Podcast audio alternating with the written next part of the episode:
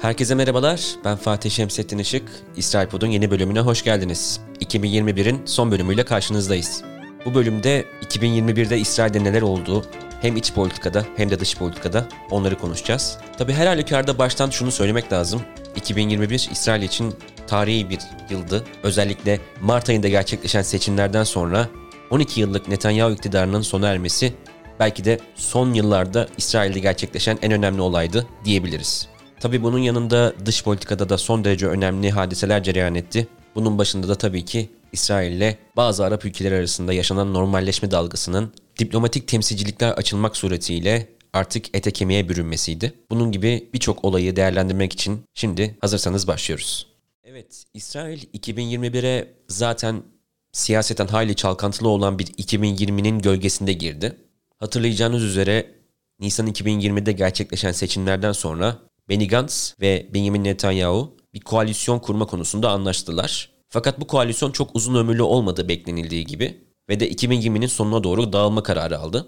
İşte 2021'e girerken İsrail, Mart sonunda seçimlerin gerçekleşmesi çoktan tayin olmuştu ve de siyasi partiler programlarını, kampanyalarını hazırlamışlardı.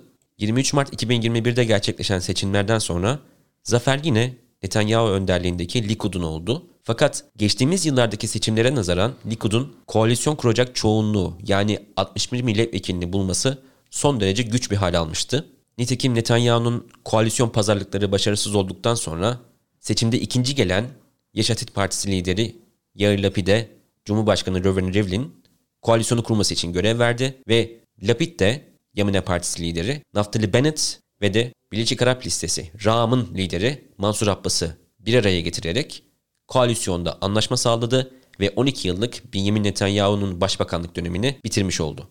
Aslında hükümet ilk kurulduğu vakit çok uzun ömürlü olmayacak diye düşünülüyordu. Fakat bunu diyenlerin aksine şu ana kadar çok büyük bir yol kazası geçirmeden yoluna devam ediyor gibi görünüyor. Tekrardan hatırlatalım. Şu anki koalisyon aslında 8 partili bir yamalı bohçayı andırıyor. Soldan partiler de var. İşçi Partisi gibi, Meret Partisi gibi. Sağcı bir parti olan İsrail Beytenu, Avigdor Lieberman liderliğinde yine koalisyonda mevcut. Benny Gantz'ın Mavi Beyaz Partisi yine koalisyonda. Likud'dan ayrılan Gideon Saar da Yeni Umut Partisi ile yine koalisyonun içerisinde yer alıyor. Tabi bu hükümetin kurulma arifesinde Mayıs ayında İsrail ile Filistinler arasında bir çatışma dalgası patlak verdi. Önce Doğu Kudüs'teki Şeyh mahallesinde Filistinlerin İsrail mahkemesinin evlerini tahliye etmesi yönündeki kararını protesto etmesiyle olaylar başladı. İsrail güvenlik güçlerinin Filistinlere yönelik sert müdahalesi Aksa'da protestolara sebebiyet verdi ve buradaki protestoculara da İsrail güvenlik güçleri sert müdahalede bulununca şiddet dalgası daha da büyüdü. Buna bir de ilk defa bu denli yoğun bir şekilde gördüğümüz İsrail vatandaşı Filistinlilerin protesto dalgasına dahil olmasını eklemek lazım. Dahil olan Filistinliler özellikle yoğun olarak yaşadıkları yerlerde ayaklandılar ve şiddet dalgası daha da büyüdü. Bu dalganın son halkasında Hamas'ın Gazze'den gönderdiği füzeleri gerekçe göstererek İsrail'in başlattığı operasyondu. Bu operasyon sonucu 65 çocuk, 39'u kadın olmak üzere 232 Filistinli hayatını kaybetti. 1900 kişi de yaralandı. Bu bilanço yalnız Gazze'nin. İsrail sınırları içerisinde ve de Batı Şeria'da da olaylar sonucu 29 Filistinli hayatını kaybetti. 6309 kişi de yaralandı. Hamas'ın İsrail'in saldırılarına karşılık vermek için Gazze'den fırlattığı roketler nedeniyle de 12 kişi hayatını kaybetti. Bu olaylarla birlikte Gazze'de 2014'ten bu yana en şiddetli yıkım gerçekleşmiş oldu diyebiliriz.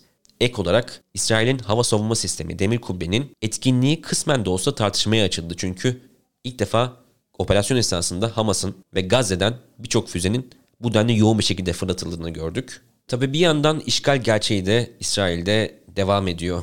2021 başında İsrailli bir insan hakları örgütü olan Betselem, İsrail'in artık bir apartheid devleti yani bir ayrımcı devlet olarak tanınması gerektiğini belirten bir rapor yayınladı. Çünkü Naftali Bennett'ın tıpkı Selefi Benjamin Netanyahu gibi Batı Şeria'da yerleşimleri devam ettirdiğini görüyoruz. Filistinlerle barış anlaşması konusunda mesafe kat edilmesi şu an ufukta görünmüyor. Çünkü Bennett Abbas'la hiçbir şekilde görüşmeyi istemiyor. Bunu daha çok Savunma Bakanı Benny Gantz'a devretmiş görünüyor ve sadece olaya güvenlik çerçevesinden bakıyor gibi görünüyor. Evet 2021'de bahsedilmesi gereken olaylardan birisi de Gilboa hapishanesi firarı oldu. İslami Cihada ve El Fethi'ye bağlı El Aksa Şeyhleri Tugay'ına mensup 6 Filistinli mahkum 6 Eylül'de bu yüksek güvenlikli hapishaneden firar etti. 15 gün içerisinde bütün firariler yakalandı. Ancak yüksek güvenlikle inşa edilmiş bu hapishane İsrail medyasında eleştiri odağı oldu. Bu firarın dramatik ve büyük bir güvenlik ve istihbarat hatası olarak değerlendiren birçok yazı çıktı. 2021'de görevi biten yalnız Netanyahu değildi İsrail'de. Aynı zamanda birçok kilit bürokrat da görev süresini tamamladı ve yenilerine koltuğu devretti. Bunların başında tabii ki Reuven Rivlin geliyordu. Knesset'te yapılan seçim sonrası Isaac Herzog İsrail'in yeni cumhurbaşkanı olarak seçildi ve Temmuz itibariyle bu göreve başladı. Yine Mossad şefi Yossi Cohen'in de görevi sona erdi. David Barnea yeni Mossad şefi oldu. Bütün dünyada olduğu gibi koronavirüs de İsrail için önemli bir meseleydi. Önceki varyantlarda da İsrail sıkı tedbirler izlemişti. Her ne kadar aşılama hususunda Filistinlilere yönelik ayrımcı bir tavra da sahip olsa da kaydeder bir başarı elde ettiğini söylemek mümkün. Omikron varyantıyla birlikte ülke tayakkuz haline geçti ve sınırları bazı ülkelere kapatma kararını aldı. Ve elbette Benjamin Netanyahu'nun yargılanması zikredilmesi gereken bir başka husus. Son olarak Kasım ayında Benjamin Netanyahu dördüncü kez hakim karşısına çıktı. Davanın kritik dönemeçlerinden birisi olarak belki de Netanyahu'nun eski basın danışmanı Nir Hefetz, savcılığın tanığı olarak bir ifade verdi ve Netanyahu'nun basın konusundaki paranoyasına, medya ile kurduğu kirli ilişkiler ağına dair önemli bilgiler verdi. Dış politikada genel olarak Bennett Lapid hükümetinin Benjamin Netanyahu'nun dış politika çizgisini çok da ters yüz etmeyecek şekilde devam ettirdiğini ve bir önceki dönemde sıkıntılara yol açmış meseleleri onarma yoluna gittiğini görüyoruz. Amerika Birleşik Devletleri ile olan ilişkiler Trump dönemine nispeten çok daha nötr bir düzeyde. Bennett ve Biden arasında gerçekleşen görüşme de tam da Afganistan'dan ABD askerlerinin çekildiği döneme denk gelmişti. Her iki tarafta gerginlik yaratacak konulardan uzak durdu. Fakat özellikle İsrail'de bütçenin geçmesinin akabinde hem Biden yönetimi İsrail'e yönelik özellikle yerleşimler hususunda çok daha sert bir tavır izlemeye başladı. Bennett da tabii ki artık eli daha güçlü bir başbakan olarak ABD karşı daha rahat hareket etmeye başladı. Yıl bitmeden eski ABD Başkanı Donald Trump'ın İsrail'in önde gelen gazetecilerinden Barack Ravid'e yapmış olduğu açıklamalar gündeme damga vurdu. Trump, Netanyahu'ya yönelik sert eleştirilerinin yanında Birleşik Arap Emirlikleri ve Bahreyn'le yapılan İbrahim anlaşmalarını az kalsın baltalamakla suçladı ve Filistinlerle barış yapmayı istemediğini söyledi. 2020 sonbaharından bu yana devam eden Arap-İsrail normalleşmesi de sürüyor. Bu yılda İsrail, Birleşik Arap Emirlikleri ve Bahreyn'de diplomatik temsilcilikler açtı. Resmi olarak ilk defa üst düzey ziyaretler gerçekleştirdi.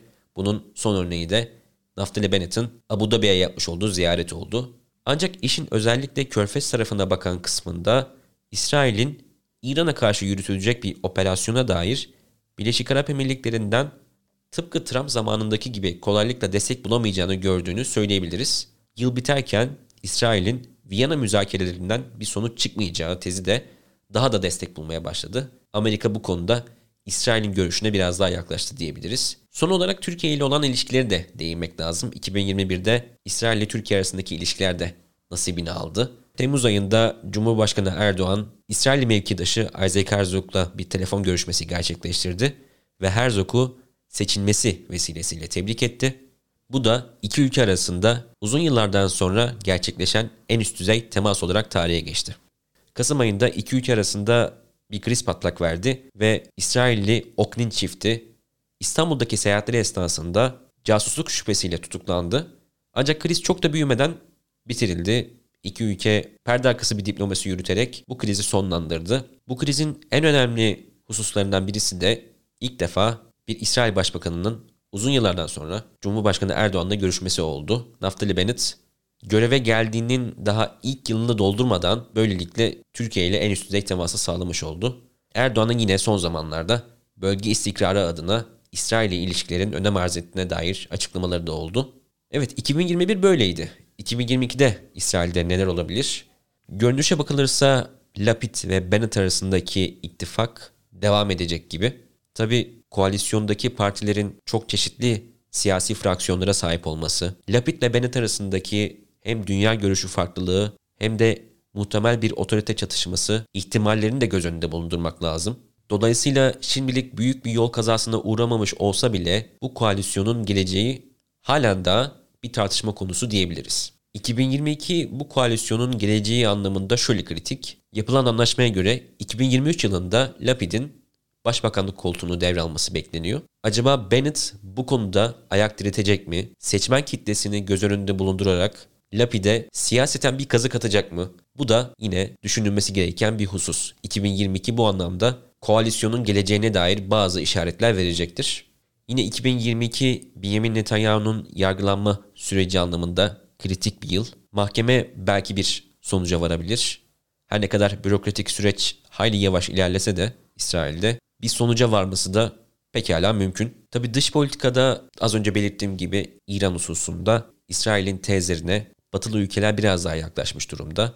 Viyana'daki müzakereler başarısızlıkla sonuçlanmış gibi görünüyor. Dolayısıyla 2022'de İsrail'in İran'a yönelik bir operasyonu olur mu? Bu belki de İsrail dış politikasındaki en önemli gündem maddesi olmaya devam edecek gibi görünüyor.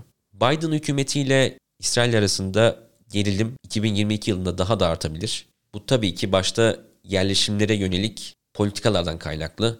Yerleşimlerin Batı Şeria'da artırılması sonucu Biden'ın daha da sert bir tavır izlemesi mümkün. Tabii bu tavır ittifakın temelini sarsmayacak düzeyde olacaktır. Elbette Körfez'le yaşanan bu normalleşme dalgası da hızla devam edecek gibi görünüyor. Fakat az önce yine belirttiğim gibi Birleşik Arap Emirlikleri'nden belki bölgesel anlamda istediği siyasi desteği tam da alamayabilir İsrail. Türkiye ile ilişkilerin 2022'de nasıl şekilleneceği de bir merak konusu. Türkiye bu konuda adımlarını atmış görünüyor. Gerek Oknin krizindeki tavrıyla gerek Erdoğan'ın açıklamaları topun artık İsrail'de olduğunu gösteriyor. 2022'de bir büyükelçi ataması gerçekleşir mi? Artık resmi olarak diplomatik ilişkiler devam ettirilir mi? Bu da düşünmemiz gereken bir başka konu. Evet, İsrail Pod'u dinlediniz. İsrail'in 2022'de de gündemini takip etmek için bizi dinlemeye devam edin. Görüşmek üzere, hoşçakalın.